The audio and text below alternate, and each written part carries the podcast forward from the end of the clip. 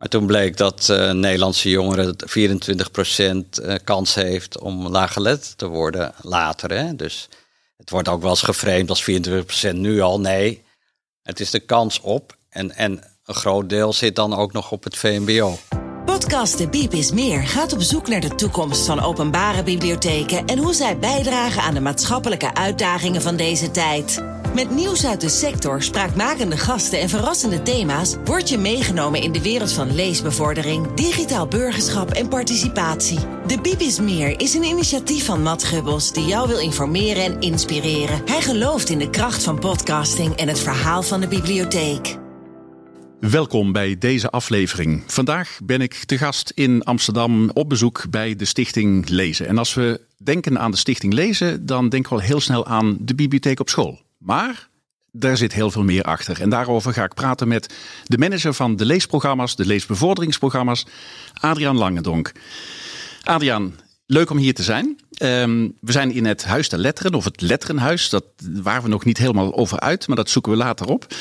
Jullie zijn niet de enige bewoners als Stichting Lezen in dit huis. Uh, nee, dit, uh, dit letterenhuis, uh, dat bestaat uit verschillende partijen wonen in dit huis. ten eerste het Letterenfonds. Dat is ook de hoofdhuurder van dit pand. En dit pand is best bijzonder, want dit is de oude kweekschool van Amsterdam. Dat zou je tegenwoordig Pabo noemen. Maar Jacques Vriends heeft hier nog ja, vogelnestjes gemaakt in de gymzaal, wat tegenwoordig de bibliotheek is. Laat ik later even aan Mat zien. Dan heb je ook een idee hoe die bibliotheek er beneden uitziet. Ja, leuk. In de oude gymzaal. Maar leuk, zo'n uh, uh, zo'n oude kweekschool, de Pabo tegenwoordig. Ja. Toepasselijke plek voor een stichting lezen. Zeker, stichting lezen. En dus voor het Letterenfonds.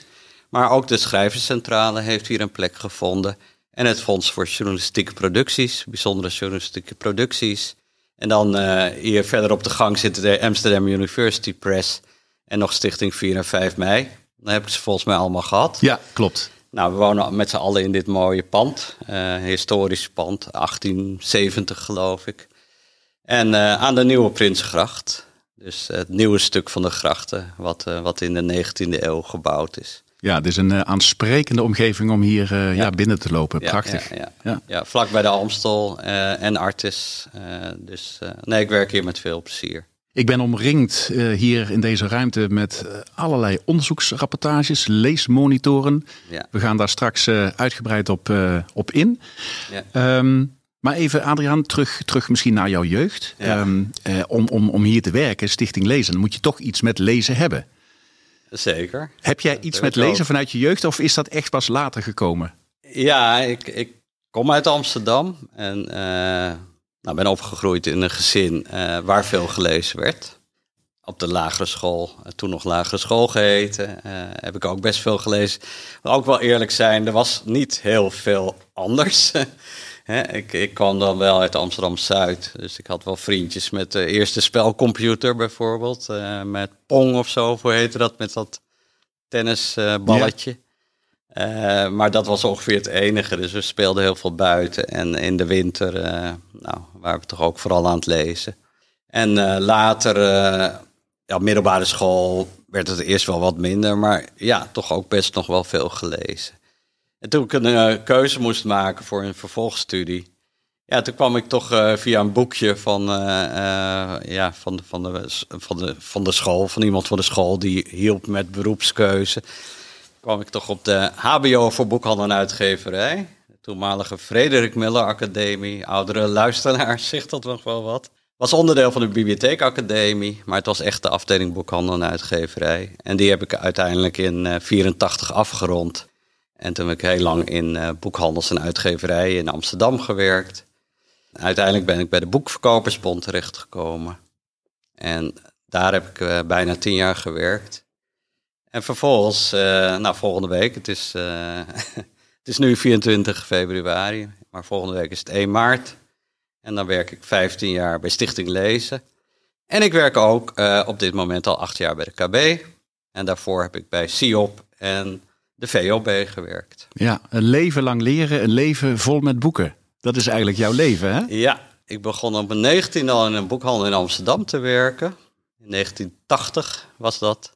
Ja, had ik een soort tussenjaar op die Frederik Academie. En daarna ben ik een parttime blijven werken. Het was eigenlijk meer een kiosk in Amsterdam. Maar ook al op zondag open in die tijd. Het was best bijzonder, want er was bijna niks open.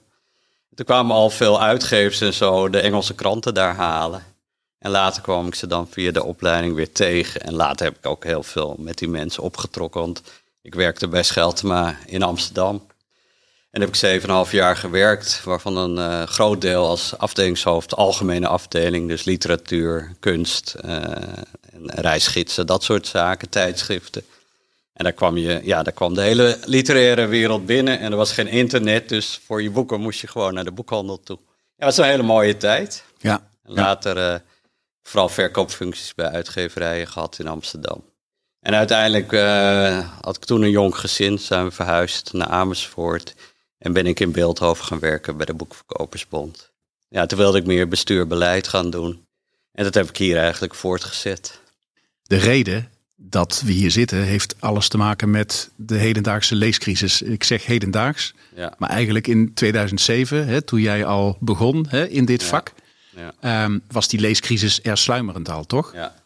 Ja, uh, de zomer van 2007 werkte ik nog uh, uh, onbewust van dit alles bij de Boekverkopersbond. Was trouwens het beste boekhandelsjaar ooit, 2007. Ja? Het was ook het jaar dat de Boekverkopersbond 100 jaar bestond en koninklijk werd. Maar in dat najaar, of in die zomer, bleek dat er in het vierde kabinet Balken en is een taaltop toen georganiseerd tussen de belangrijkste ministers die bij taal betrokken zijn, waaronder Plasterk. Ook Sharon, Sharon Dijksma. Uh, André Rauwvoet van Gezinszaken heette dat, geloof ik. Nou ja, drie of vier ministers, staatssecretarissen. En die hebben in een taaltop besloten dat uh, een van de nieuwe dingen die ze zouden gaan doen. meer aandacht voor leesbevordering. Naast wat Stichting Lezen al deed in de basisinfrastructuur cultuur, zoals dat heet, de BIS. Uh, is toch meer aandacht voor en uh, leesbevordering, maar dan uitgevoerd door bibliotheken. Dus daar kwam dat eigenlijk mooi samen. En dat laatste was een innovatietaak. Hè? Dus dat heeft niet altijd digitaal, maar dit was ook innovatie. De bibliotheken actief werden buiten de muren van de vestiging. Dat is eigenlijk het begin geweest van uh, kunst van lezen, wat we dan later kunst van lezen hebben genoemd. Wat eigenlijk bestaat uit boekstart, bibliotheek op school. En ook de schil daaromheen, uh, wat we dan de bovenlokale en lokale leesbevorderingsnetwerken noemen. Ja, die, die drie punten, samen met aandacht voor de, eh, de kanon die net gelanceerd was, de Nederlandse geschiedenis, dat was het vierde onderdeel. Dat stond op eigenlijk twee A4'tjes van de hoofdambtenaar op dit uh, onderdeel uh, in het najaar van 2007 toen ik solliciteerde. Of eigenlijk gevraagd werd om deze baan in te gaan vullen. En uh, daarmee hebben we het gedaan. Dus het was een Nederlands variant van Boekstart. Uh, wat toen nog heette uh, op taalachterstandsscholen een bibliotheekfunctie opzetten. nou, die kanon, hè, vooral de literaire aanvulling van die kanon. Dus welke boeken horen dan bij die vensters? En dan dat, wat toen de ambtenaar het minst sexy deel noemde, die, ja, die strategische, die borging, dat verhaal van je doet het samen in een gemeente. Uh, van zorg dat dat eerst goed geregeld is voordat je allemaal projecten gaat opzetten. Ja. We hebben later dat, uh, eigenlijk in 2012 is Bibliotheek op school pas echt uh, ja, structureel van start, of gestructureerd van start gegaan. Ook met een brede invulling vanuit BNL, hè, toenmalige BNL. En ook CIOP, maar vooral ook POI's. En toen is het eigenlijk ja, de bibliotheek op school geworden. Een projectgroep, heel breed, met verschillende invalshoeken. En daaruit is een set bouwstenen ontstaan, die we vandaag de dag nog steeds hanteren. En het andere is, uh, wat ik zelf in 2010 heb uh, ontwikkeld, is voor die leesbevorderingsnetwerken. Ja, ik noem het maar uh, drie cirkels. Hè. Een, een, strategisch netwerk, dan vooral op lokaal gebied. Hè. Een strategische niveau, een, een cirkel, een, een meer tactische cirkel, een beleidscirkel en een operationele cirkel, uitvoerende cirkel. En je begint dan bovenaan waar die strategisch, als het daar goed georganiseerd is, dan gaat het door naar de beleidsmensen, weer van de gemeente, van de kinderopvang, van het onderwijs. En dan uiteindelijk komt het bij de mensen die echt natuurlijk keihard werken en het werk doen. De leerkrachten. De leerkrachten, maar de leesconsulenten, de mensen van de bibliotheek, maar ook van de kinderopvang, van de jeugdgezondheidszorg. En daar, die moeten niet te veel hobbels hebben om dat te gaan organiseren. Die moeten eigenlijk, ga je gang. Ga aan het werk, concentreer je op de taak. Concentreer je op dat kinderen meer of, of beter gaan lezen. Maar je hoeft je niet bezig te houden met al die randverschijnselen, want die zijn inmiddels geregeld. Dat is eigenlijk uitgangspunt waar we nu staan ook. Ja, maar dat is een hele lange weg geweest. Het is een hele lange weg. En ik denk dat uh, Stichting Lees daar wel heel belangrijk in is geweest, omdat het allemaal gebaseerd is eigenlijk op het gedachtegoed van Stichting Lezen. Uh, in die zin dat zeker met de komst uh, van Gerlien van Dalen, die nu nog directeur-bestuurder is, die werkt ook alweer 13,5 jaar, sinds 2009 begonnen.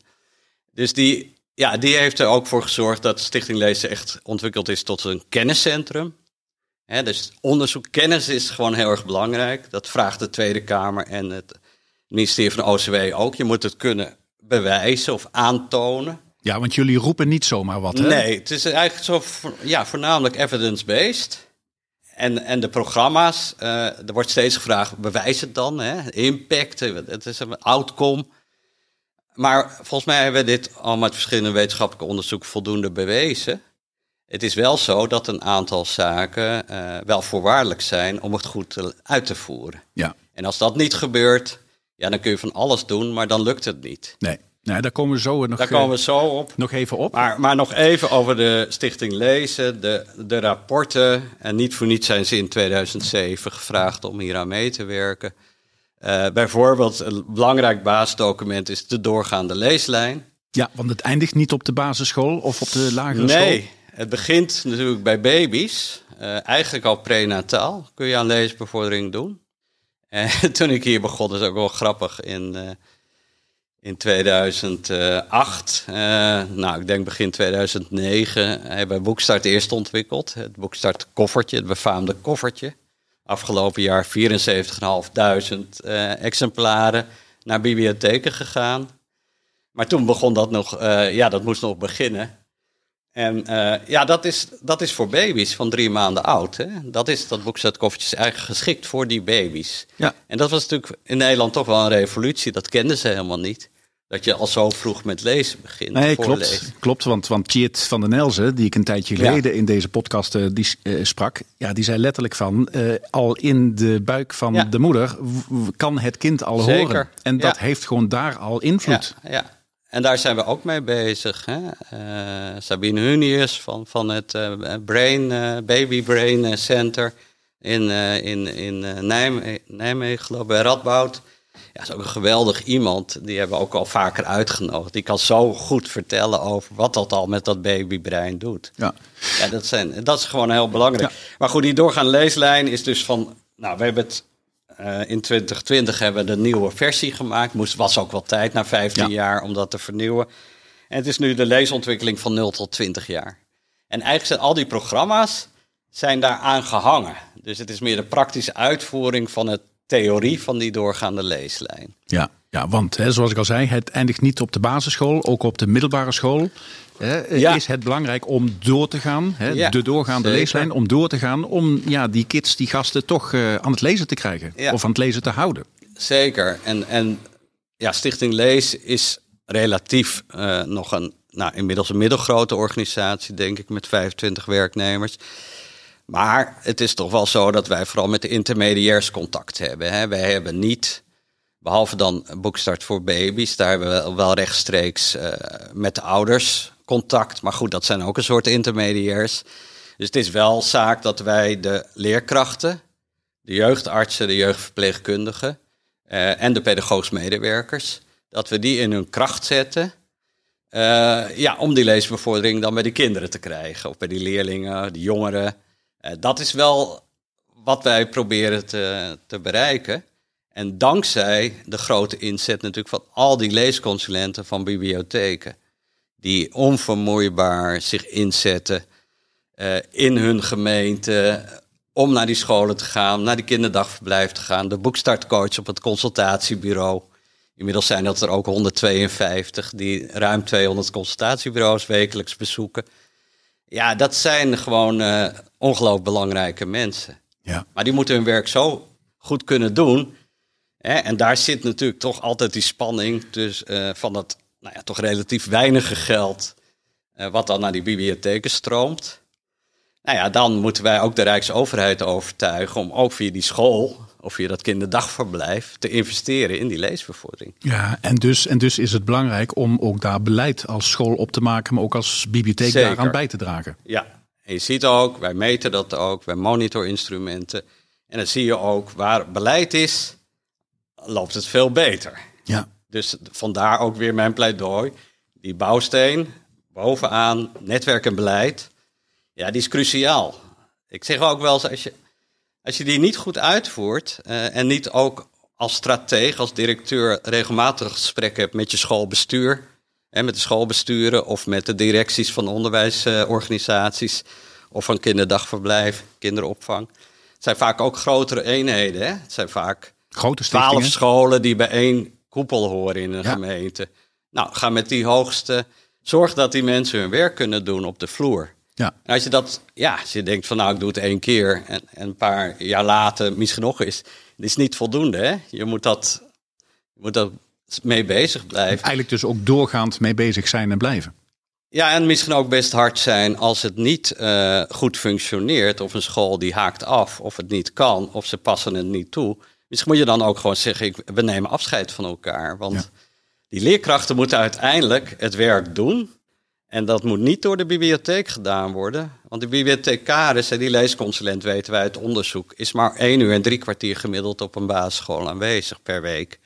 Ja, en het moet Dus- denk ik ook niet zo zijn dat Nee. de leesconsulent op de stoel van de leerkracht gaat zitten. Nee. En dat de leerkracht dan achterover leunt of zegt, ja, ik heb al zoveel werk, laat die bibliotheek dat maar doen. Het is altijd een soort samenwerking.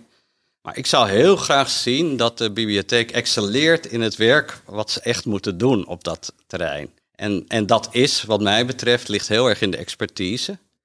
Dus dat betekent dat je in ieder geval een goede eh, schoolbibliotheek, ook qua collectie. De collectie past ook bij de populatie op die school. Hè, dat is anders in een Nieuw-West in Amsterdam dan, dan, dan in Tietjerkstradeel bijvoorbeeld. Dat zijn gewoon andere populaties op die school aanwezig. Nou, dan kun je niet one size fits all collectie neerdumpen. Nee, op maat. Op maat en dus in overleg. Dus de collectie wordt nog heel erg ingezoomd bij sommige bibliotheken. Van de- collectie, dat is eigenlijk het belangrijkste waarvoor we werken. Nee, ik vind de expertise van de bibliotheekmedewerkers het belangrijkste op dit moment. Maar ook de expertise van de leerkracht. Want als die niks doet met die mooie bibliotheek op school, ja, dan, dan heeft het weinig zin. Ja. Jij weet dat ik een tijd geleden met Naomi Smits heb eh, gesproken, hè, een bevlogen leerkracht. En ik was stom verbaasd om eerst in haar boek en later in gesprek met haar te lezen en te horen dat er gewoon heel veel leerkrachten zijn die zelf niet eens lezen. Nee. Dan, dan is dit toch vechten tegen de bierkaai bijna? Of, Ja. of, of, of doe ik daarmee alles tekort? Ik ben al iets ouder, dus ik, ja, mensen van mijn generatie misschien lezen die nog wel. Dat weet ik niet precies. Maar ik denk ook dat dit al vrij lang aan de, aan de gang is. Hè? Ja. Het leesonderwijs in Nederland, en ik heb dat natuurlijk... Ja, ik zeg het gewoon uit mezelf. Ik, dit is een persoonlijke eh, notie van mij. Ja, ik heb het idee dat het leesonderwijs, met name begrijpend leesonderwijs in Nederland, heel erg gestoeld is op methodes. En die methodes leiden ertoe dat je goed toetsen kunt maken als, als leerling. Ja, dat is je interesse natuurlijk, want je wil goede cijfers halen en Ja. naar, het, naar het vervolgonderwijs doorgaan. Maar die teksten zijn, ja, eerlijk gezegd, uitermate saai. Als dit is wat je leest, ja, dan snap ik wel dat kinderen zeggen van, ja, lezen. Ja, ja. Nee, en met name jongens, hè, want er zit nog een groot genderverschil tussen eh, lezende meisjes en lezende jongens. Maar dat kan veel beter en dat wordt bewezen door mensen als Naomi Smits. Ja, en, en, en, en hoe kijk je dan aan tegen ontwikkelingen als BookTok? Hè? Ondanks dat hè, met name Engelstalige boeken hè, daardoor worden aangeprezen. Hoe, hoe kijk je daarnaar? Ja, dat is het- toch fantastisch, zou je zeggen? Van als ze maar lezen, dan is het, eh, Nou ja, hè, dat komt goed. Maar BookTok is wel een bepaald, voor een bepaald publiek. En het, weet je, daar hebben we het alweer over wat, wat oudere eh, kinderen. Hè? Dit, dit leeft toch niet zo in de basisschool, denk ik. Die, Het zijn vooral jonge vrouwen van, van 14, 15, 16, 17, 18. die vooral voor hun eigen uh, peer group ook dan uh, die boektalk. Nee, natuurlijk, ik, ja, ik juich dat toe in, in zoverre dat dat wel een nieuw element is. Maar als we nou kijken van, hè, uh, er zijn net de boekenvakcijfers ook uitgekomen, een paar weken geleden bij de presentatie van de CPNB jaarcijfers.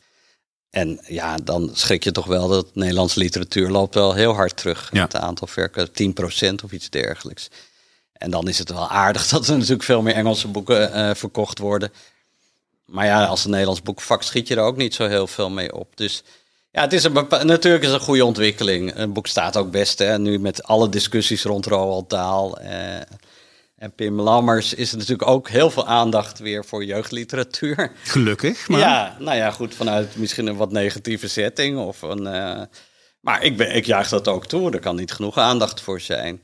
Maar het betekent hè, leesbevordering zit, weet je, dat, dat is natuurlijk ook spontaan en dat is uh, particulier. En dat, dat hè, ouders zijn daarin heel belangrijk, zeker bij jonge kinderen.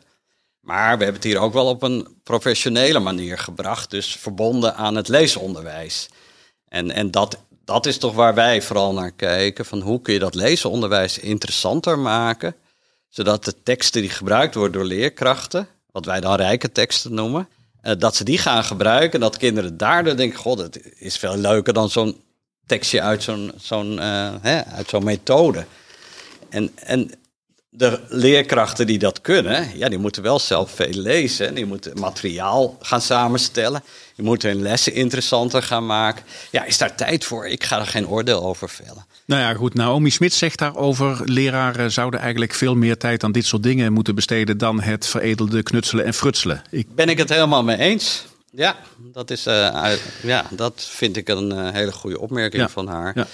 En dat horen we natuurlijk vaker. Hè? De, de, mensen van de Alan Turing School bijvoorbeeld in Amsterdam doen dat ook. En zo zijn er heel veel goede voorbeelden. Uh, en, en de mensen die dat misschien niet zo doen. ik, ik kan daar ook geen orde over vellen. Misschien hebben mensen wel hard voor de zaak, maar kunnen ze gewoon. Ja. Hebben ze de uren er niet voor? Of weet, weet je, dat, maar wij proberen wel, ook, ook met mensen als Roel van Steensel, hè, er, is, er is ook een groep over effectief leesonderwijs. Dat begint nu wel, ook vanuit de wetenschappelijke en onderwijskant.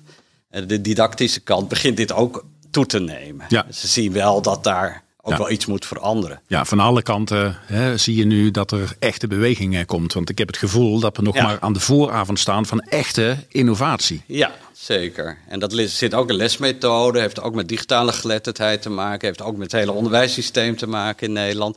Daar zit wel wat verandering in. Maar goed, het curriculum wordt vernieuwd. Dat duurt me toch al een tijd. Hè? Dus het kan niet. Weet je, het, het is wel iets wat je dan misschien pas over drie of vijf jaar een verandering in ziet. En Stichting Lees heeft natuurlijk ja, best belangrijk werk, maar is ook natuurlijk een taartpunt van dat hele grote, uh, ja, dat hele grote onderwijsveld. Uh, en dan hebben wij ook nog die andere sectoren die ik net heb genoemd, hè, ja. jeugdgezondheidszorg. Uh, daar zitten we namelijk ook toch vaak, zie je dat artsen heel veel aandacht hebben, jeugdconsultatiebureau artsen.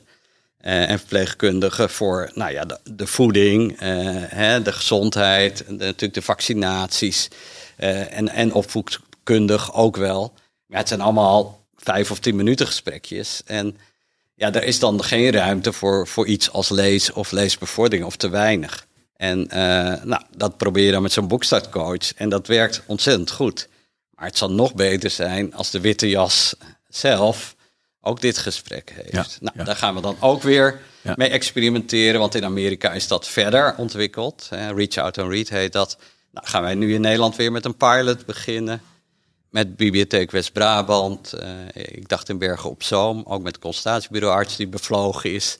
Dan laten we dan weer begeleiden door Sardes. Uh, Kees Broekhoff is daarin belangrijk. Al vanaf het begin eigenlijk van kunst van lezen. En dan kom ik dan weer op hè, wat wij dan noemen de brochures die wij uh, maken. Want daar begint het toch allemaal mee. Vooral deze, meer lezen, beter in taal, PO effecten van lezen op taalontwikkeling. Want daar gaat het ook. Meer lezen, beter in taal. Ja. Dat is toch wat we nastreven.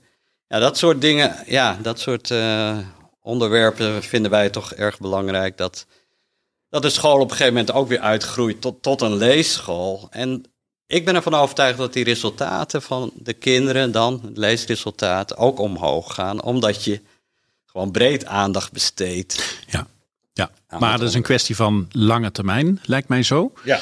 Ehm, als we even naar de korte termijn en de actualiteit gaan. We zitten nu in Amsterdam, hè? Eh, we zitten in Nederland. Maar jij bent onlangs ook overzees ben geweest. Ja. Hoe is de situatie daar als het gaat om leesachterstanden en, en alles wat eraan gedaan moet worden? Ja. Nou, we hebben al lange opdracht van het ministerie om ook de programma's uh, Boekzet en Bibliotheek op school ook aandacht te geven in uh, wat dan Caribisch Nederland heet. Uh, zoals iedereen wel weet, is in 2010 is het Koninkrijk eigenlijk opgedeeld in vier landen. En dat is dus Nederland, Europees Nederland noemen we dat als we daar zijn dan. Ja. En dan heb je Curaçao, Aruba en Sint Maarten. Dat zijn de drie andere landen. Maar er zijn ook drie eilanden die een gemeentelijke status hebben. En dat zijn Saba, Sint Eustatius en beneden Winsenstad Bonaire. Ja. En Bonaire, en die drie eilanden, die doen eigenlijk mee met alle Nederlandse uh, uh, ja, onderwerpen en ook financiën, et cetera. Terwijl die drie landen, die hebben een eigen begroting, een eigen regering. Dus die kunnen niet zomaar meedoen aan wetten of aan uh, subsidies die in Nederland worden uitgeschreven door het ministerie van Onderwijs. Zoals onlangs dus hè, het masterplan basisvaardigheden, vorig jaar mei gepresenteerd door Wiersma van uh, minister van PO en VO of van funderend onderwijs en staatssecretaris Oesloe van cultuur. Die hebben dat samen toen gepresenteerd. En daarin stond van er komt ook hè, bibliotheek op school is belangrijk, noem ik het maar even heel kort samengevat. En ook de gezinsaanpak is belangrijk. Nou, het zijn onderwerpen waar we natuurlijk mee verder konden. Alleen zou in de zomer uitgewerkt worden. Nou, wat bleek? Ik werd in uh, eind juli gebeld, uh, of begin juli al, van nou, er komt een bedrag voor bibliotheek op school. En toen eind juli hebben ze dat nog veranderd, ook voor de kinderopvang. En uiteindelijk is er uh, bij Prinsjesdag bekend geworden dat er een bedrag van 12,9 miljoen euro extra kwam bovenop de kunst van lezen gelden. Uh, die dan weer uit het actieprogramma Tel mee met taal komen om laaggeletterdheid uh, mm te voorkomen en, en tegen te gaan. Ja, dus dat is gewoon een heel mooi bedrag, wat dan via Stichting Lezen aan bibliotheek gegeven worden. Want die ja, zijn toch de eigenaar, de beheerder van de bibliotheek op school en boekstart in de kinderopvang. Dus de bibliotheken krijgen nu geld wat ze dan kunnen besteden op die locaties, waarmee ze samenwerken, waar ook een contract moet liggen. Die ook aan de monitor moeten gaan meedoen. Er moet wel wat, weer wat bewijs en wat, hè, dat wil een ministerie ook. Je zegt, ja. en, en wat, eh, hè, voordat wij eventueel tot structurele financiering van zo'n schoolbibliotheek overgaan. Want dat is natuurlijk een stap die wij al, eigenlijk al lang wensen. Uh, en, en dat je dan ook de scholen echt aan verbindt. Dat ze dan ook uren krijgen om om die bibliotheek te gebruiken, bijvoorbeeld. Nou, dat is een heel lang proces natuurlijk. Maar ja, wij zijn natuurlijk ongelooflijk blij mee. Uh, en dat is een gezamenlijke inspanning van de bibliotheekorganisaties. Ik denk dat het bibliotheekconvenant daar heel erg belangrijk in is geweest, omdat we daar toch, ja, er zijn echt goede afspraken gemaakt. Het is niet zomaar dat kunst van lezen daar los van staat. Nee, het is het geheel. Hè. Het is ook uh, belangrijke publicatie. Rapport Lees, Lees het onderzoeksrapport van de Onderwijsraad, Raad voor Cultuur, was nog nooit voorgekomen bijna dat die gezamenlijk uh, op een onderwerp zijn ingegaan. Nou, gepresenteerd door Van Engelshoven, de toenmalige minister in 2019 in de OBA in de Belmermeer in Amsterdam. En uh, nou, toen zei ze echt historische woorden wat mij betreft. We gaan dit uitvoeren. Nou, daar staat dan in kort samengevat een leesoffensief ja, uh, ja, waarbij gewoon heel veel aandacht is voor lezen. Vooral voor diep lezen. Want we hebben nog een onderscheid tussen oppervlakkig WhatsApp lezen, et cetera. En de wat diepere variant, die steeds minder mensen ook eigenlijk zelf uitoefenen. Weet je, een diep artikel lezen van 10.000 woorden bijvoorbeeld. Ja, dat doen niet heel veel mensen meer. Natuurlijk heel veel mensen ook wel. Maar het is wel, weet je, in zo'n situatie moet je eigenlijk proberen nog ja, deze aandacht vast te houden. Dus leesoffensief wel een heel belangrijk uh, onderwerp, wat toen geagendeerd is. En daarvoor heeft de minister ook al gezegd, we gaan naar een voorkeurmodel bibliotheek op school. Dus eigenlijk in de toekomst willen we dat alle scholen op die manier met, met een bibliotheek omgaan. En de bibliotheek staat veel meer dan voor die rij boeken. Hè? Het, het is echt die samenvatting wat wij dan, hè, nogmaals, lees. Wat wij, die, die letters hebben wij vertaald in de L van leesomgeving en collectie. De E van expertise, de E van evidentie en de S van samenwerking. Of liever nog strategische samenwerking. Ja. Ja, dat zijn de vier pijlers waarop wij die programma's en het werk van Stichting Lezen inmiddels gebaseerd hebben. En het, ja, de afgeleid daarvan zijn de tien bouwstenen waarmee de bibliotheek lokaal dan werkt om het geheel, het hele vehikel Ja. op te tuigen en, eh, en mee te werken. Ja, ja mooi hoor. En, en ehm Steven, hebben over aantallen. Hè? Ja. De bibliotheek op school is volgens mij bij vrijwel iedere bibliotheek in Nederland nu eh, echt, echt eh, geadopteerd, toch? Ja, het zijn er. eh, ik heb net de jaarcijfers. ja, met dank overigens aan de onderzoeksafdeling van de Koninklijke Bibliotheek. Want die voeren ieder jaar de bibliotheekmonitor uit. Ook voor de vroeger voorschoolse educatie. Dus het boekstartverhaal. Bibliotheek op school PO, maar dan breder, hè, het hele basisonderwijs. En ook het voortgezet onderwijs. Dus wij werken daarmee samen en wij baseren ons eh, jaarverslag ook op die bereikcijfers. Eh bibliotheek op school PO, om daarmee mee te beginnen, dat is toch de grootste, eh, grootste onderdeel. En dat zijn inmiddels 125 van de 137 basisbibliotheken of lokale bibliotheken, die werken daarmee. En ik denk dat volgend jaar dat er misschien nog zes over zijn. Dankzij die 12,9 miljoen gaan er zeker dit jaar nog zes, zeven nieuwe meedoen. En alle inspanningen van jou en alle anderen hier bij Stichting Lezen om maar door te blijven gaan op die route die ooit is ingezet. Precies. Ja, dus in percentage dat inmiddels boven de 90% En eh Boeks uit Kinderopvang wil ik toch ook noemen. Dat is ruim 80% maar inmiddels ook al ruim 3300 kinderopvangorganisaties die daarmee werken. En voor Bibliotheek op School PO, om het precies te noemen, is 3528 basisscholen werken ermee. En hoeveel scholen hebben we in Nederland? Eh, Weet u dat? Ruim 6000. Oh, oké. Dus Ja. dan zit je behoorlijk over de helft al heen. Die hè, Ja. met dit soort programma's in aanraking Ja. komen. En als we het naar het werkgebied eh, relateren, zitten we al op 57 procent. Want die 12 eh, reken ik niet mee. Die scholen die daar liggen, die wordt het niet aangeboden. Nee. Dus zitten we al op ongeveer 57 procent. En van die 3500 moet ik wel zeggen, er zijn er ongeveer 200 dan in, in, in de eerste fase, de verkennende fase. Dus of dat het uiteindelijk wordt, dat weten we nog niet.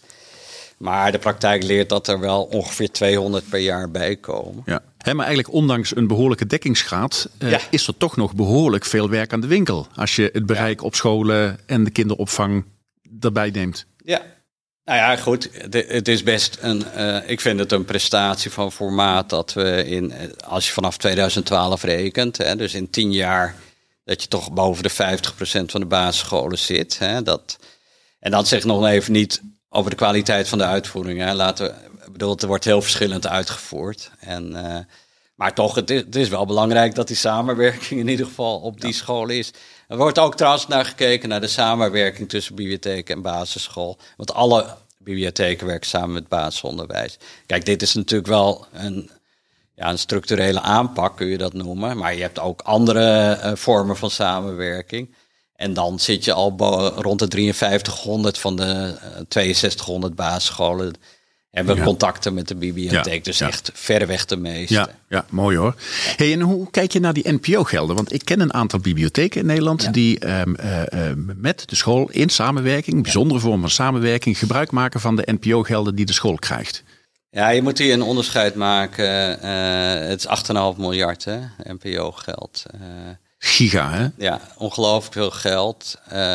Maar een deel daarvan, 300 miljoen uit mijn hoofd, is aan gemeenten gegeven om die NPO te ondersteunen. Hè, dat Nationaal Programma Onderwijs. Met name die gelden zijn nogal eens ingezet om bibliotheken op school eh, te financieren of een Ja. eerste eerste financiën daarvoor vrij te maken uit die gelden. De scholen zelf moeten daar keuzes in maken. En in de tijd, toen dit begon, eh, zijn wij er wel bij betrokken. Eh, en ik heb ook aangegeven, kan een bibliotheek op school geen doelstelling worden? Nee, dat kon niet. Want ze werkt alleen met evidence-based eh, Ja, ja. educatieve programma's. Daar mocht je geld aan besteden. En dus misschien te, te ver gaat het hier hoor. Maar wij zijn toen eh, eigenlijk vonden ze het wel een goed idee, maar het paste niet in hoe ze dat hadden uitgewerkt. En mijn verbazing was later, want wij hebben daar toen wel een webinar over georganiseerd. En samen met SPN en POI's hebben directies geïnformeerd. En blijkbaar is er toch wel iets losgekomen. Want één, één jaar later, of zelfs anderhalf jaar later, kwamen er toch NPO-gelden richting bibliotheken. In bepaalde plaatsen in Nederland die nog niet begonnen waren. Ja, wat toch het verschil heeft gemaakt. Ja. En vooral in Utrecht en, en de stad Groningen is dat wel het begin geweest van de opzetten van daar de bibliotheek op school. Ja. Ja, dus ik ben er wel, toch wel heel blij mee. Maar die masterplan eh baasvaardigheden is belangrijk omdat we nu wel mee zijn genomen. Ja, want dat is, ja, want dat is de bibliotheek op school, boekstaat in de kinderopvang. De programma's van bibliotheken zijn nu meegenomen in die masterplan baasvaardigheden. Hoewel het natuurlijk ook maar een tijdelijke subsidie is. Ook een nadeel van de, de NPO-gelden is dat het tijdelijk en niet structureel is.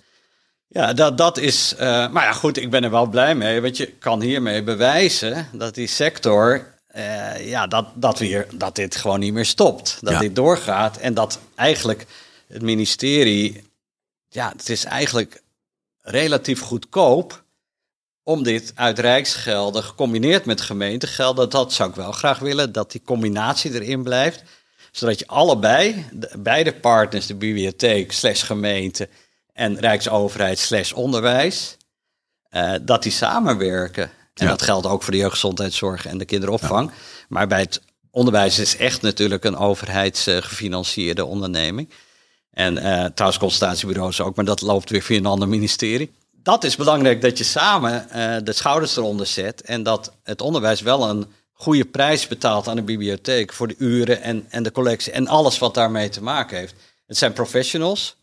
En wij zijn heel erg veel tijd eh, kwijt aan het ontwikkelen van goede trainingen voor, onze, voor de bibliotheekmedewerkers. Je ziet ook niveau stijgen van de bibliotheekmedewerkers die dit werk uitvoeren.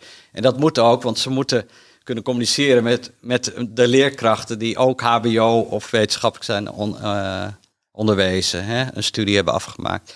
Dus het niveau, die transitie brengt ook met zich mee. En daar ben ik ook blij dat de VOB nu dat eh, hè, eh, aandacht geeft. En eh, die hele opleiding Poot nu ook overgenomen heeft met Jannie van Vught. Ja, dat is een heel belangrijk signaal ook. Van nou, we nemen onderwijs en trainingen serieus, maar ook het hele HRD-verhaal rond onze bibliotheekmedewerkers. Ja, we gaan gewoon naar een nieuw soort medewerker toe. Ja, precies. En het is niet alleen afhankelijk van geld, hè, een grote hoeveelheid geld. Het is niet alleen Nee. meerjarig geld, maar het is ook dus die doorontwikkeling binnen de sector zelf. Zeker. Hè, om, om, om het nu echt gewoon structureel op een hoger plan te brengen. Want de nood is eigenlijk heel erg hoog. Ja. Ja, en je moet toch concurreren. Zeker bibliotheek op school merken we heel veel oud-leerkrachten die instromen als leesconsulent. Nou, hou je die ook vast. Die moeten dan wel ook uitgedaagd worden om dit werk op niveau uit te voeren. En eh, ja, ik hoor nu ook wel weer signalen dat het onderwijs weer longt, omdat ze 10% loonsverhoging hebben gekregen. Kun je als sector ook hun salaris betalen eh, voor het niveau wat je wil hebben. De kwaliteit van bibliotheek op school zijn, is Stichting Lees voornamelijk nu er eh, ja, stevig mee bezig. Om te kijken hoe die verhoogd kan worden. Want dat is de volgende stap. Het gaat niet alleen om hè, al die scholen die meedoen. Dat is natuurlijk mooi hè, dat we boven de 3500 zitten. Maar het gaat ook om hoe wordt het dan uitgevoerd. Ja, want daarover zei jij zojuist, Ja. daar zie ik nog wel wat verschil tussen bibliotheken. En dat Ja. vind ik een fascinerende, want we hebben natuurlijk wel eens gesprekken gevoerd hè, in het kader van certificering. Hè, en wat moet nu echt hè, eh, hè, vanuit certificering, maar wat moet ook vanuit stichting lezen. Maar volgens mij is er geen echt sprake van moeten. Hè? Nee, maar dat kan, dat kan ook niet goed, want, want het is niet onderdeel of onderwerp van de inspectie van het onderwijs bijvoorbeeld om daarnaar te kijken. En ze, ze kijken er wel eens naar. Maar ik ben heel blij met, met natuurlijk eh, de CBCT, want ik, ik, hè, we hebben samen dan het Ja. kwaliteitskader een jaar of vier geleden, of vijf inmiddels, eh, denk Vijf. ik, opgezet. Ja. En eh, afgelopen jaar herzien met een werkgroep. Ja, ik, ik vind wel dat we daar in ieder geval al iets van een lat leggen. Maar Stichting Lees gaat daar natuurlijk uiteindelijk ook niet Nee. over. Alleen wij observeren wel. En we hebben steeds meer bibliotheken die die stap willen maken en ook geld krijgen om dat te doen. En met die voorlopende groep zijn we nu bezig om die kwaliteit te verhogen. Maar dat betekent ook meteen dat je die bibliotheek ook een wat andere plaats inneemt. Want het onderwijs gaat dan en dat willen we natuurlijk vanuit Stichting Lees graag, dat het onderwijs dat echt gaat, uh, Ja. ga- gaat hanteren. Dat effectief leesonderwijs gebruik van rijke teksten. Maar wie is de leverancier van die rijke teksten? De bibliotheek. De bibliotheek. Wie Ja. kan activiteiten doen met leerkrachten en leerlingen? De bibliotheek. En dat is de kracht van de bibliotheek. En de bibliotheek is altijd en overal in een mensenleven aanwezig. En bescheiden misschien, eh, maar is wel zo. Maar ik vind nu met die maatschappelijke transitie, en daarom ook roem ik dat convenant en alles wat in de netwerkagenda zit. Vaak nog theoretisch, vaak heel uitgeweid en zo. Maar toch, met die koersgroepen, ja, hoe moeizaam soms, maar toch vind ik daar de lijn in gezet. Om dit goed aan te pakken en dat onderwerp, hè, die opgave, de geletterde samenleving, ben ik dan bij betrokken. Nou, daar is ook Stichting Lees echt heel nauw bij betrokken. En dat is ook goed. Ik vind de bibliotheeksector moet niet eh, alleen maar naar binnen gekeerd zijn, moet ook. Hè, er zijn nog drie andere convenantpartners, wordt wel eens vergeten. Ja, de VNG, precies. IPO, OCW. Ja. Wat doen die in het convenant? Ja, dat vraag ik me wel eens af. Nou ja, dat, dat, weet je, dat, je doet het eigenlijk met zes partijen. En Maar ook met organisatie Stichting Lezen, Stichting Lezen en Schrijven, Kennisnet. Al die onderwerpen hebben weer ja, raakvlakken met andere onderwerpen. Concentrische cirkels. Eh, Die gaat in elkaar over. Ja. Nou, daar moet je ook oog voor hebben als sector. Ja. Maar goed, eh, niks moet.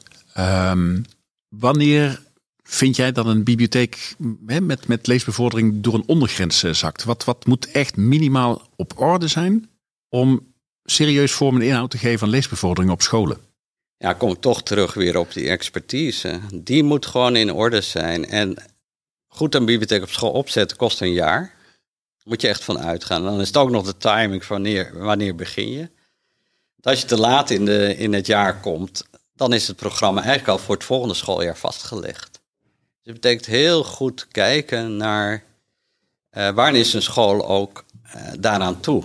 Eh, hoe, hoe zit het met die school? Hè? Dus, nou ja, wat ik al eerder heb gezegd, ik vind dat er eerst, en, en daar vind ik de Bibliotheek Den Bosch en de gemeente Den Bosch, vind ik nog steeds een voorbeeld daarvan, is dat zij, ik meen alweer in 2010, eh, zijn de strategische figuren van de scholen, van de bibliotheek, maar ook de wethouder van onderwijs, die zijn samen gaan zitten.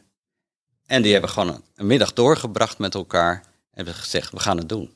Dus we gaan de handen ineens slaan. Er waren de drie grote scho scholenkoepels, hè, de openbare katholieke en de protestants-christelijke, denk ik. Die gaan zijn, we doen het. En al onze scholen gaan meedoen. En de wethouder zei, put your money where your mouth is. Hè. En, en de directeur van de bibliotheek zei, ja, ik ga ook mee. En het, er was natuurlijk wel een rekening, hè, want ze moesten vier vestigingen sluiten. Was wel, maar goed, het wisselgeld was wel, op alle scholen gaan wij een bibliotheek opzetten. Ook op de scholen die niet wilden. En dat is best bijzonder, want scholen in Nederland zijn, ondanks dat ze misschien bij een koepel horen, zijn ze toch, zel- ja, ze beslissen zelf. Ja, ze zijn heel vrij, hè, heb ik begrepen. zijn autonoom. Ja. Eh, Een directeur van een school kan zelf, een schoolleider kan dat zelf beslissen. En toch hebben ze iedereen meegenomen, alle schoolleiders in een bus. En zijn ze gaan kijken op de eerste. En iedereen is omgegaan. En eh, op dit moment ben ik niet, niet heel goed van de actuele situatie op de hoogte. Maar het heeft mij toen heel veel geleerd. We hebben ook samen toen de monitor ontwikkeld. Omdat er ook behoefte was bij de bibliotheek. We moeten laten zien wat het oplevert. De boeken gingen daarmee naar huis. Dat is ook altijd zo'n dat heet hangenijzer, wat nu ook opgelost is door het ministerie, of tenminste binnenkort. Want de leenrechtvergoedingen worden door het ministerie betaald. Ja, gelukkig maar. Die discussies ook, dat was echt een hoofdpijndossier voor mij eh, de laatste tien jaar. Nou ja, dat, weet je, dat soort voorwaarden worden door het ministerie nu to- toch allemaal ja, voortschrijdend inzicht van we, we kunnen dat niet overlaten aan, aan een kleine sector met een groot onderwijs. Dat, zo werkt dat niet. Ja. Dus die hebben zelf ingegrepen. Ja, weet je, dat helpt ook weer om. Maar die expertise van die mensen, ja, dat bleek ook wel weer daar. Dat is cruciaal. Dus als een school zegt, joh, ik heb er eigenlijk helemaal niks mee.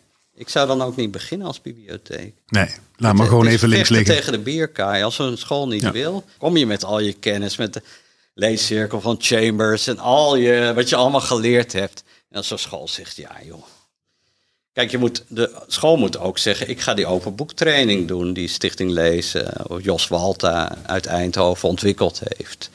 En uh, sinds Bibliotheek op School heeft hij dat overgedragen aan een grote groep. En trainer trainer heeft hij gegeven en nog steeds doet hij dat. Dus nu hebben wij voor elkaar gekregen dat regionaal wordt gewoon getraind. Dus iemand die bibliotheek op school gaat doen, die krijgt een open boektraining op school van een lokale medewerker van de bibliotheek of de POI. Ja, of iemand misschien uit de omgeving van Stichting Lezen als hij hier in de buurt is. Weet je, dat, dat, dat is hoe wij graag werken. Eerst die kennis opbouwen, die samenwerking, klap. En dan pas langzamerhand bouwen en het vertrouwen winnen van de rest van het team, eh, van de leerlingen. Leuke activiteit. En er horen de grote, uh, de grote campagnes ook bij. De Kinderboekenweek, de Nationale Voorleeswedstrijd, de Nationale Voorleesdagen, Nederland Lees Junior, uh, vakantielezen eventueel, zomerlezen. Het zijn allemaal elementen die je kunt inpassen in de bouwstenen activiteiten van de bibliotheek op school. Ja, ik vind het echt fascinerend hoe jullie van onderop, van bovenaf, steeds breder, steeds dieper in dat onderwijssysteem aan het ja, infiltreren zijn, zou ik bijna durven zeggen. Het heeft wat negatieve connotatie. nee, maar ik bedoel hem heel snap positief. wat je bedoelt. Ja, en dat is toch doordat, net als bibliotheken overal zitten, er zijn nog steeds 744 eh, vestigingen, heb ik net weer begrepen. Hè, en, en het aantal uh, organisaties kleiner wordt, wat, hè, dat duidt ook weer op schaalvergroting. Je zegt, ja, schaalvergroting, ja, maar dat helpt ook wel. Ja. Want gemeenten gaan samenwerken en zeggen, oh, die gemeente doet dat. Weet je, en je probeert als bibliotheek, als je goede bibliotheekdirecteur bedoel je, probeer je ook eenheid van beleid in al die gemeenten. Ook als een gemeente niet wil, ga je toch proberen te overtuigen. Kijk eens, bibliotheek op school doet het daar goed. Zullen, is dat toch niet iets voor jou? Maar misschien vroeger als die gemeente niet aangesloten was bij die gemeente die die bibliotheek uh, runnen of betalen, had ze misschien gezegd nee. En nu zie je dat wel, die overloop. En omdat die bibliotheek zo buiten die muren is getreden met al die, ja, eigenlijk een soort ambassadeurs, die leesconsulenten, zie je ook dat vertrouwen groeien. Ja, en in feite is de bibliotheek daarmee ook weer invulling aan het geven aan die hele transitie naar maatschappelijke bibliotheek. Hè? Buiten de oevers van je eigen grenzen. Exact. Ja. En daar zijn wij natuurlijk best wel vroeg mee begonnen al. Ook dankzij het vooruitziende blik van het ministerie om al in 2008 er geld voor vrij te maken. Maar ja, dat, zo is het wel gegroeid. Het is ook, ja, je hebt toch een bepaalde voorsprong uh, voor die programma's. En ik moet ook echt steeds benadrukken, Matt, dat weet je van, maar dat ik Boekstart steeds wil noemen. Ja. Omdat daar 0 tot 4 is eigenlijk de belangrijkste doelgroep voor ons. Uh, veel mensen zijn zich niet bewust dat zo'n eerste jaar zegt zo'n baby niets. Maar dat is wel een soort spons, die hersenen. En die gaat een anderhalf jaar, of wanneer gaat een baby praten, die gaat dat allemaal reproduceren. En je ziet kinderen uit een taalarm gezin, wat ook nog vaak van ouders op kinderen wordt doorgegeven. Ja, daar zie je toch al een achterstand als het kind vier is en naar de basisschool gaat. Wat intellectueel misschien hetzelfde niveau heeft als, als een vriendje uit, uit een uh, wat rijkere wijk of uit een hoger opgeleid gezin. Maar toch een achterstand vanwege die kloof die er nou eenmaal is. Ja. En wij proberen, met name met de Boekstart Coach, maar ook andere initiatieven. Hè, uh, de bibliotheek organiseert vooral ook de Voorleesexpress, wat een geweldig initiatief is.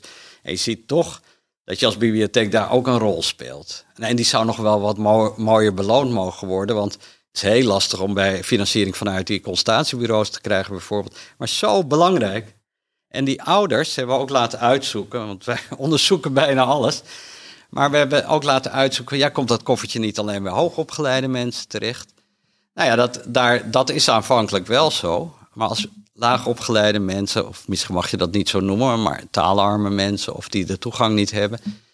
Als die het weten, halen ze het net zo vaak op, is gebleven. Alleen ze moeten het wel weten. Dus je moet communicatie ook richten op die doelgroep. Die is veel moeilijker bereikbaar dan onze peergroep die gewoon al binnenkomt, die zelf opgegroeid is met een bibliotheek. Ja, en toch ken ik genoeg hoogopgeleide gezinnen, ja. althans hoogopgeleide ouders, ja. die niet genoeg hebben voorgelezen met hun kids. En nu daar dus ja. de repercussies van ondervinden. Zeker. Dus er is wel een bepaald Matthäus-effect, maar je hebt gelijk. Tegenwoordig zijn natuurlijk ook uh, ouders, uh, hoogopgeleide ouders. Uh, Druk met z'n tweeën. veel. er is ook veel drukte, ook sociaal. En ja, dus dat is ook wel zo. En, en die tijd voor voorlezen. Ja, Nederlandse ouders lezen weinig voor, blijkt uit internationaal onderzoek. En ze stoppen ook op het moment het kind gaat, zelf gaat lezen. Dat is ook een van die dingen. Dan is klaar. Soort, Ja? Ja. Nou ja, dat, dat getuigt ook niet van dat je daar eh, gemotiveerd voor bent. Ja, dan, ja, dat is wel in Nederland wel aan de hand. Dus ook, ook ouders zijn uh, toch debet aan, aan wat jij dan de leescrisis noemt. Ja, dat probeer je toch ook wel zeker. We hebben ook een community rond Boekstart, dan vooral opgezet met een eigen website, met een app.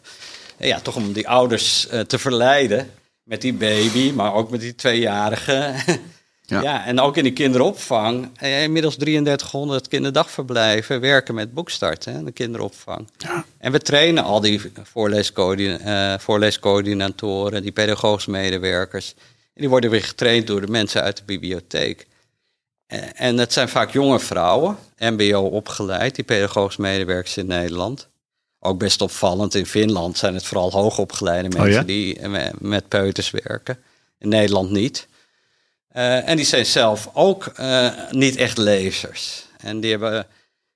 Maar dan zie je die vrouwen groeien in hun rol. En dan denk je van, oh, er zit veel meer in zo'n boek. En in lezen en verhalen vertellen. We werken nu ook heel hard aan, aan de introductie van digitale prentenboeken in de kinderopvang. Echt, er uh, wordt nu ook een mooi onderzoek naar uitgevoerd onder leiding van Roel van Steensel. Nou, da daar besteden we ook best veel geld aan om zo'n onderzoek ook te laten landen. Want wat blijkt, uit eerder onderzoek van Adriana Bus bijvoorbeeld, is dat kinderen die in een taalarm milieu opgroeien, maar op die iPad bijvoorbeeld zo'n heel makkelijk met zo'n digitaal boek zelf als driejarig, die blijken opeens omhoog te gaan. Ja, ja. Die ouders lezen misschien gebrekkig voor, maar zo'n kind kan dan. Dus wij proberen met die kinderopvang, hè, met Beren Slim bijvoorbeeld, gewoon een goede serie digitale prentenboeken. Ja, dan probeer je toch die jonge vrouwen te laten werken, ook een training en, en ook vanuit ons een bepaalde stimuleringssubsidie. Ja, om dat gewoon te laten. Het moet eigenlijk een soort routine worden in die kinderopvang. Ja, eigenlijk is het een soort van verleiding hè, die je doet. Verleiding met moderne hulpmiddelen. Zeker. Ja. ja, maar ook dus wel wetenschappelijk ja, eigenlijk on, onderzoek, ook wel wetenschappelijk, nou misschien niet helemaal bewezen, maar wel wetenschappelijk ingestoken van het helpt echt. Want er zit een verschil tussen, vooral voor die kinderen die in taalarme milieus opgroeien, die hebben er baat bij. Ja. Nou, ik was laatst bij een debat hè, in eh, de OBA. Althans, ja? ik, ik, ik, was daar niet fysiek bij, maar ik heb later de opnames gekregen. En dat gaat later nog uitgezonden worden. Er was een debat over leesbevordering. Er was iemand van de Blinkgroep uh, aanwezig. En hè, die, die, die ja, werd dan gesecondeerd door iemand die, die uh, niks had met het verleiden van kinderen om te gaan lezen. Mm Dan denk ik van, we moeten toch alles eraan doen om die kids aan het lezen te krijgen. Al is het maar door populaire verleiding. Dat vind ik ook. ja. Ja, nee, dan zijn we het daar in ieder geval over eens. Ja, nee, daar zijn we het zeker over. Ja. ja. Als we even naar de toekomst kijken. Hè? Um, en jij zei al in het voorgesprek, ja, de toekomst is eigenlijk al begonnen met uh, de gezinsaanpak en uh, richting de PABO's een aantal acties uh, uit te zetten. Kun je daar eens wat meer over vertellen? Want ik denk dat dat nog onderbelicht is binnen het bibliotheeklandschap. Uh, nou ja, wat wij constateren, dat gaat natuurlijk al langer door. Hè? Vooral de, de wake-up call uh, van het rapport van PISA. Inmiddels is dat geloof ik 2018 uitgevoerd, 2019 gepubliceerd. Maar toen bleek dat uh, Nederlandse jongeren 24% kans heeft om laaggelet te worden later. Hè? Dus het wordt ook wel eens geframed als 24% nu al. Nee, het is de kans op. En, en een groot deel zit dan ook nog op het VMBO. Dus ja, daar is wel iets aan de hand. En dat betekent dus dat wij vooral ook met, in overleg met het ministerie ons richten uh, op 12 plus, vooral op de VMBO. Uh, sinds een tijdje ook op praktijkonderwijs. Dus dat is weer een nieuwe lood aan de stam. is weer een bepaald onderdeel natuurlijk van het voortgezet onderwijs. Uh, maar ook op het MBO. En daar heb je weer twee onderdelen die voor ons van belang zijn. Hè, het ROC, het brede ROC. Eh, die toch ook eh, hier en daar meer met boeken wil doen. Het begon met eh, het Willem II in Den Bosch. daar hadden ze vanuit de directie gezegd, wij vinden dat al onze studenten minstens een zes moeten hebben voor Nederlands. En die hebben gezegd, ja, het ontbreekt hier aan van alles, maar vooral ook aan boeken en samenwerking met de bibliotheek. Dus dat was een van de eerste die, waar we toen ook investeringen zijn gaan doen. En, uh, en ook via twee MBO-congressen die goed bezocht werden. aandacht zijn gaan vragen. Maar ik heb het nu wel alweer over vijf jaar geleden, uh, Matt. Ja. Hè, dus dit loopt al een tijdje. En inmiddels doen er 20, 25 ROC's al volop mee. Uh, samen met vaak of een kubus, ja, stadkamers Zwolle. Want je ziet natuurlijk bij MBO bijvoorbeeld dat dat geconcentreerd is op grotere regionale opleidingscentra heet het ook. Ja, ja op, op grotere regionale plaatsen. Dus daar zullen niet alle bibliotheken bij gevraagd worden. Dus wij moeten ook ons realiseren dat we moeten differentiëren in bibliotheekland. Dat hè, HBO's, de PABO, is een onderdeel van het HBO. Uh, maar binnen het MBO heb je dan ook nog de opleiding voor pedagogisch werk en, op, uh, en onderwijsassistent PWO. Daar hebben wij weer een apart programma voor ontwikkeld. Ja, ja. Want daar zitten de toekomstige pedagogisch medewerkers en onderwijsassistenten op. Ja, en dat nou, betekent dus eigenlijk boven lokaal moeten werken. Ja, hè? we moeten boven lokaal werken. Daar zijn de, vind ik de POI's ook belangrijk in. Want die kunnen ook een deel van dat werk misschien overnemen of voorbereidend werk doen. Dus ik ben ook, ook erg voor een soort regionale indeling van Nederland met regionale teams. Ja, dat, dat is nog een beetje toekomstmuziek, maar ik denk dat we in de loop der tijd daar wel op uit gaan komen. Want PABO's zijn er 40 in Nederland. Nou, ROC's zijn er wel wat meer. Maar het zijn ook maar iets van 65 hoofdorganisaties. Nou ja, dus, dus het is allemaal veel beperkter natuurlijk als je het basisonderwijs op de kinderopvang. Kinderopvang is het meest, ongeveer 9000. Dan heb je basisonderwijs 6000. Nou, dan heb je middelbaar onderwijs 1500. En dan ongeveer 200 voortgezet speciaal onderwijs. En dan heb je, nou, je MBO, iets van 60 hoofdorganisaties, misschien 130 uh, vestigingen of, of iets meer. Het zijn wel een paar honderd. En dan Pabo is dan 40. Dus ja, je worden steeds kleinere uh, cirkels natuurlijk. Ja, en wel- bepaalde bibliotheken hebben dan meer werk te doen. Maar ja, goed, daar moet je dan ook afspraken mee doen of ondersteunen. Misschien in een netwerk, misschien niet die bibliotheek zelf te doen, maar samen met. Weet je, dus daar denken wij over na. En daar, dat, daar zijn we best ver mee al. Maar wel hele belangrijke doelgroepen, hè? want er is steeds meer aandacht voor de MBO's. Hè? Omdat we hè, mensen missen die hè, gewoon hè, zinvolle dingen goed met hun handen kunnen Ja. doen. Ehm, dan hebben we nog hè, het gezin, ja, ik durf het bijna niet te zeggen als hoeksteen van de samenleving, maar het gezin als eh, medebasis voor eh, ja. Eh, leesbevordering. En dan hebben we nog de PABO's met de leerkrachten die Ja. volgens Naomi Smit zouden moeten dienen als rolmodellen voor onze leerlingen. Klopt. Ja, en wij, wij doen ook monitoronderzoek bij PABO's en bij MBO's die meedoen. Vooral bij PABO, eh, dat is, ook in de Volkskrant heeft dat wel gestaan. Eh, ja, die zijn toch erg van geschrokken. Aleid Truijens heeft toen een column aangeweid. Op basis van de onderzoek wat wij hadden gedaan. En het bleek dat 25% van de PABO eerstejaars eh, lezen niet leuk vinden. En 10% leest helemaal niet. Wauw, ja. Nou, vandaar dat wij ook al een jaar of tien geleden begonnen zijn als eerste met de PABO, met de PABO voorleeswedstrijd. Dat hebben wij toen geïnitieerd. Ja, en dat bestaat nog steeds. En daar doen de PABO's volop aan mee, bijna allemaal. Maar ja, goed, het staat niet. eh, bij veel PABO's is het niet een verplicht vak bijvoorbeeld. nee. Jacques Vriends nogmaals, die heeft hier dan op, de- op deze opleiding gezeten in de tijd. Ja, toen werd er nog veel gelezen. Eh, en nu zijn er ook PABO's die bijna helemaal niet meer vragen om te lezen. Nou, het komt wel wat meer terug. En de PABO's waarmee nou, vooral de bibliotheken dan werken volgens de bibliotheek op school PABO. Ja, daar begin je nu wel een beweging te zien. eh, waardoor ook leerkrachten ook weer meer aandacht aan lezen geven. En dat is zo'n voorleeswedstrijd helpt daarbij. eh, maar het gaat allemaal door. Hè? Ook daar moeten trainingen voor ontwikkeld worden. We hebben nu al Pabo leest. Dat is een dag. eh, ik dacht in, in de Doelen in Rotterdam ieder jaar. Daar financieren wij ook aan mee, zodat leerlingen daar ook naartoe kunnen komen. We hebben eigen MBO-dagen inmiddels. Nou, het was door corona al een paar jaar niet georganiseerd. Dat gaan we dit najaar weer doen. Dus we hebben natuurlijk veel eh, congressen, webinars. Eh, rond die 12,9 miljoen hebben wij bijvoorbeeld nu webinars voor directies. En dat wordt uitgezonden en dat laten we modereren. We hebben nu twee keer door Mark Dekkers laten doen.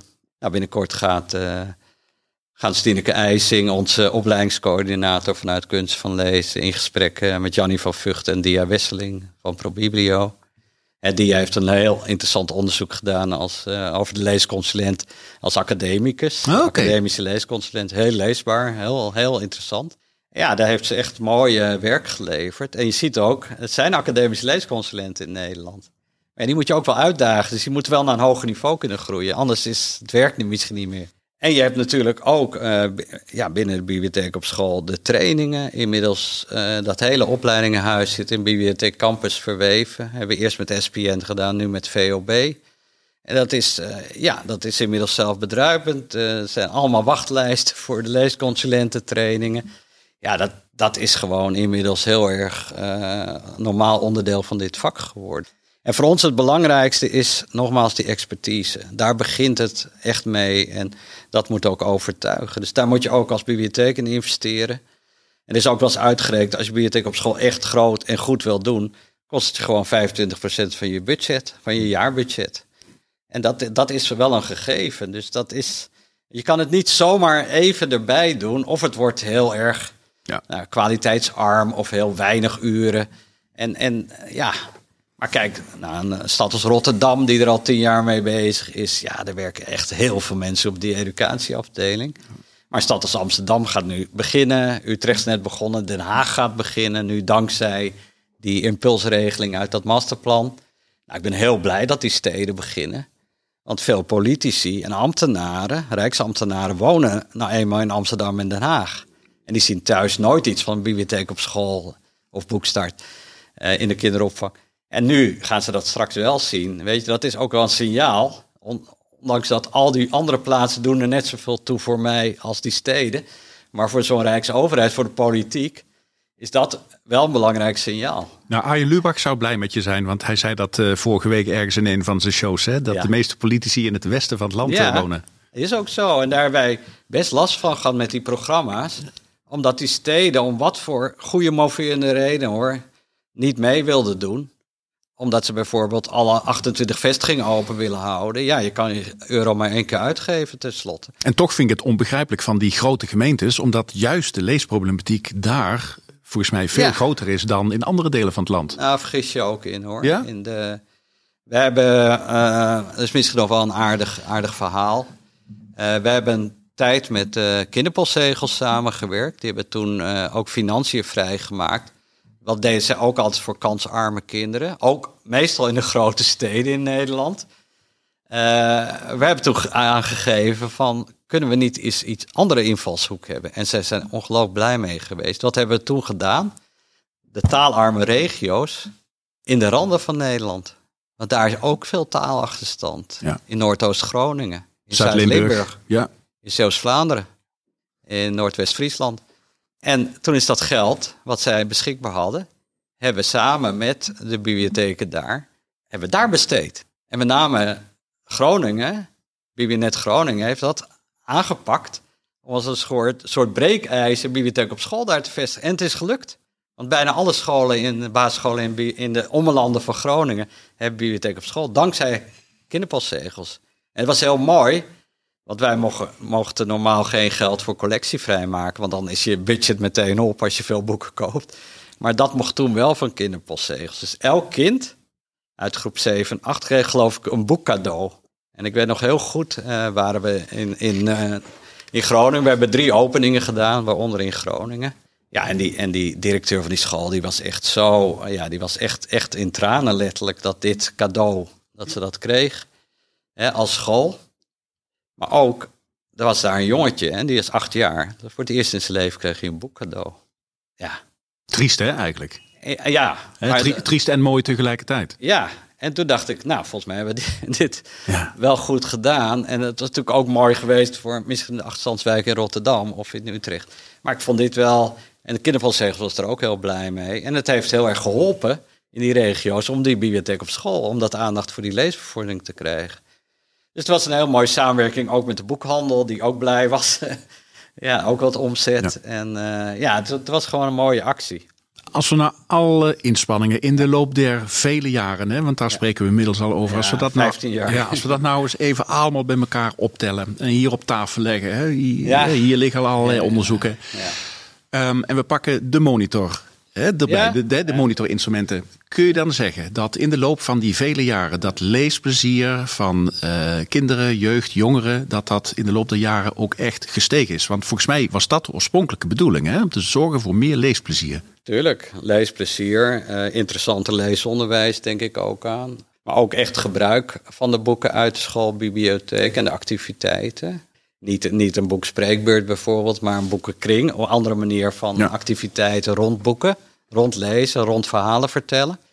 Ja, op de scholen waar dit goed wordt opgezet, is dat zeker een, uh, dat is een factor van belang geworden. Er zijn ook uh, inmiddels scholen die uh, 20, 25 euro per leerling per jaar aan de bibliotheek betalen om dit uh, nog naar een hoger niveau te krijgen.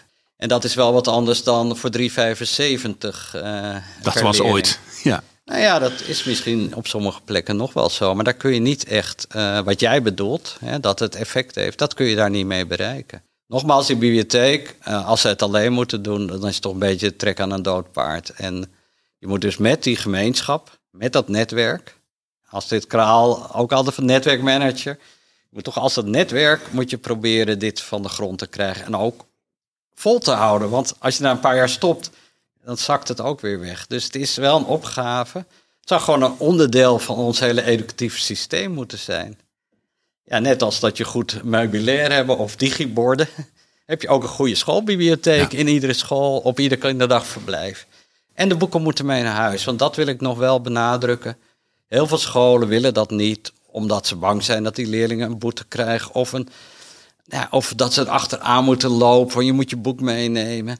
Nee, de boeken moeten mee naar huis. Laten we daar nou eens gewoon van uitgaan. En zeggen ze, ja, dan hebben we te weinig boeken. Nou, wij zeggen vijf boeken per leerling. Kom op, ga daar aan werken. Gebruik e-boeken uit de online bibliotheek. Er wordt ook nog weinig gedaan. Terwijl ook ieder leerling met een pas kan gewoon gebruik maken van de online bibliotheek, van de jeugdbibliotheek.nl. Je kan zo via een stap, ben je in die omgeving, kun je een boek lenen. Ja, dat is heel goed georganiseerd. En dat wordt nog te weinig gebruikt, die digitale collectie. Wees creatief zou ik ook zeggen. Er zijn zoveel mogelijkheden. Maar zorg dat die inbedding in je, op je school er is. Of als je met de school naast de bibliotheek zit. Zoals ik bijvoorbeeld in Hulst heb gezien, geweldig. Er zit een kinderdagverblijf, echt zo'n multifunctioneel centrum.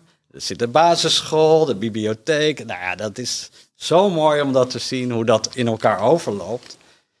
Ja, en, en bovendien zelfs Vlaanderen heeft een heel goed concept met bibliotheek op school. Want eh, mensen, volwassenen, kunnen gewoon een boek online eh, reserveren. Wordt klaargezet. Ze kunnen van, uh, vanuit hun deur, aan de overkant is de school, met pasje doen ze de deur open. Die niet in de school zit, maar aan de buitenkant van de school. Ze lopen zo die bibliotheek, ze pakken het vanaf, ze scannen het en ze gaan weer met de pas naar buiten. Lekker makkelijk. Ja, maar dit is echt voor de Bibliotheek Zeeuws Vlaanderen is hun hun hele organisatie weer opgebloeid dankzij dit soort initiatieven. Ja, dat is echt heel goed gedaan. Nou, gelukkig maar. En, en, ja. en, en, en dat allemaal dankzij de inspanningen van jou, van Stichting Lezen en alles. Hè? Eh, en iedereen daaromheen in dat bredere netwerk. Um, ja, mijn collega's ook echt niet vergeten hoor. Nee, alle, natuurlijk. Alle specialisten van uh, Stichting Lezen. Ja. Uh, en van de, van de POI's, uh, die zijn echt cruciaal voor de aanpak. En ook hun gedrevenheid en het lang volhouden. Mensen bij Stichting Lezen werken ook echt heel lang hier over het algemeen. Hè, mijn collega uh, van Boekstart, Marijke Bos, werkt ook 15 jaar hier. Er zijn drie collega's die werken al 20 jaar hier. Nou, Gerlien al bijna 14 jaar. Weet je, het is allemaal lange dienstverbanden en, en ja, er is ook maar één Stichting Lezen in Nederland. Ja, maar wel, maar wel een Stichting Lezen met mensen zoals jij en al jouw andere collega's met, met hart voor het vak en, en hart voor ja, de, de, ja, de leesachterstanden die leiden tot ja, allerlei ongewenste problematiek.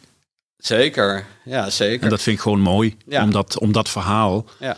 Uh, eigenlijk vanaf 2007, misschien al een beetje eerder. Ja. Dat verhaal nu eens een keer uit jouw mond heel breed en heel diep gehoord heb. Ik vond, vond, vond het mooi om naar je te luisteren. Ja. Ja. ja. Ik wil toch nog even de bibliotheeksector ook noemen. Want ik werk nou ja, dan, dan in de praktijk een dag per week bij de Koninklijke Bibliotheek. Waar ook afdelingen keihard werken. Met name ook bibliotheekstelsel, waar ik dan vooral uh, met de mensen daar, collega's daar te maken heb. Cruciaal ook. Ik heb de onderzoeksafdeling daar al genoemd met de bibliotheekmonitor. Maar ook marketing en educatie, de online bibliotheek, jeugdbibliotheek.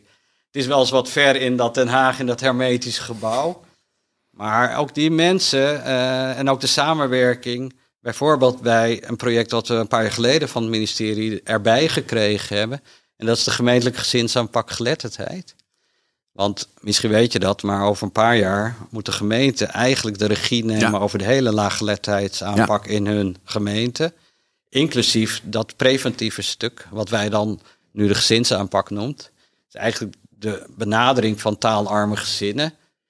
En met name de ouders daarin om hun taalontwikkeling serieus te nemen. En ook hoe gebrekkig ook hun kinderen voor te lezen of met boeken en bibliotheek in aanraking te brengen.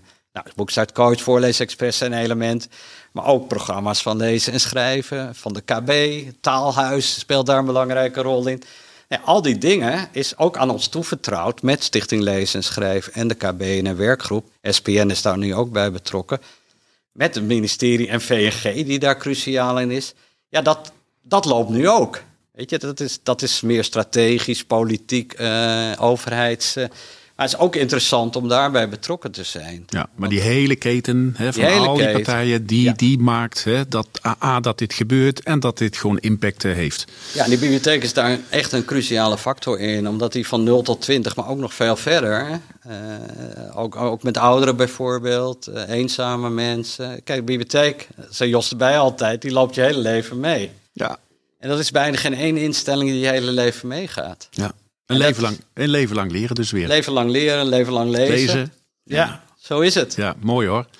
Ehm, het congres Ja, op Lees Centraal, 5 april 5 april in Utrecht. in Utrecht. Ehm, wat kunnen we daarvan eh, verwachten, Adriaan? Een, een, een mooie grote eh, feestshow met... eh, Nou, wat het al, eh, ik durf niet bijna te zeggen hoe lang dat al is, dat weet ik niet uit mijn hoofd. Maar al, al ja, sinds ik hier werk eh, is Lees Centraal al een, eh, een fenomeen waar echt heel veel mensen op afkomen.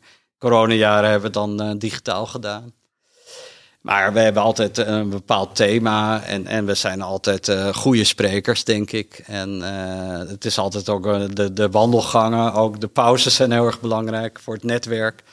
Ja, er komen ook veel leerkrachten op af, steeds meer heb ik het idee. En eh, ja, het is altijd een mooi feest van, van lezen en voorlezen en eh, leesbevordering.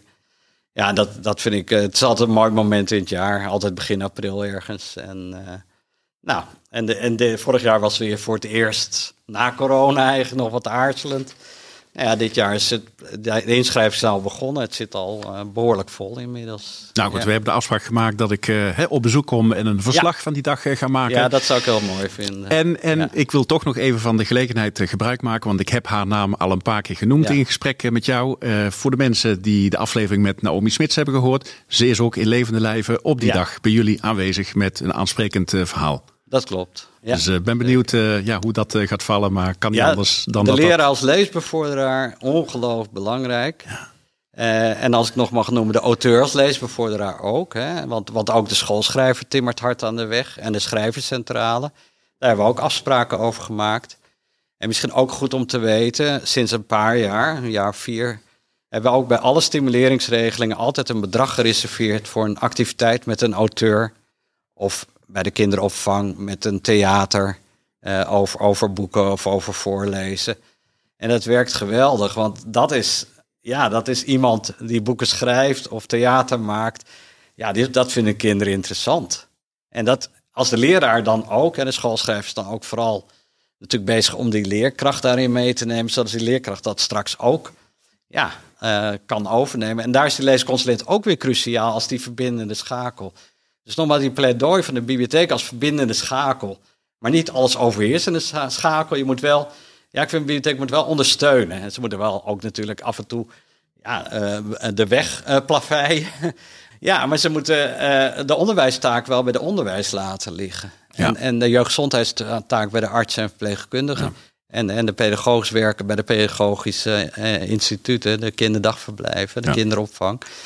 En, eh, maar zij, zij kunnen een steeds belangrijkere rol als die tussen die, ja, die cruciale tussenpersoon, ook vanuit de gemeente bijvoorbeeld, bij die gemeentelijke gezinsaanpak zie je. Nou, dan kan die bibliotheek toch met dat taalhuis. Wat, hè, en die mooie grote nieuwe locaties die er nu, die aansprekende locaties, die verrijzen in Nederland. Ja, dat, is, dat zijn factoren van belang. Dat bibliotheek, die zie je daar ook groeien in die rol. En ik vind ook dat gemeenten en overheden moeten zo'n bibliotheek ook koesteren. Hè. Het is vaak, zeker de laatste tien jaar of, of langer geleden, is het ook wel een soort ja, een soort schip van bijleg. Hè, boeken uitlijnen, moet dat nog in deze tijd? Weet je, maar dat, dat zijn we toch een beetje kwijt aan te raken. Langs, dank, dankzij die maatschappelijke functie van die maatschappelijk educatieve functie van de bibliotheek. En dat, die weg moeten we verder volgen. Arjan, we kunnen erover blijven doorpraten. Ik, eh, ik eh, geniet van jouw mooie verhalen uh, en vooral ja, jouw bevlogenheid. Um, ergens halverwege het gesprek dacht ik, nou, uh, volgens mij kunnen we in drie kwartier tot een klein uur kunnen we klaar zijn. Maar we zijn er ruimschoots overheen. Ah. En volgens mij moeten we maar besluiten om dit verhaal integraal gewoon uit te zenden. Want oh. uh, dit, dit in tweeën knippen doet, doet, doet afbreuk aan ja, deze bevlogenheid. En daar wil ik je ja, heel erg hartelijk voor bedanken. Nou, jij ook bedankt, Matt. Ik vond het heel interessant en leuk om te doen. En uh, ja, mensen die me kennen, ik zit graag op de praatstoel. Heerlijk, heerlijk, en heerlijk. Ik kan het verhaal, maar ik ben ook blij de ruimte te krijgen om dit verhaal te vertellen. Ja, en wordt vervolgd op jullie congres. Dank je. Bedankt voor het luisteren naar deze aflevering van De Biep is Meer. Heb je zelf een mooi verhaal om te vertellen? Neem dan contact op via info.onderzoekmeteffect.nl. De Biep is Meer is een initiatief van Matt Gubbels. Hij gelooft in de kracht van podcasting en het verhaal van de bibliotheek. Graag tot een volgende keer.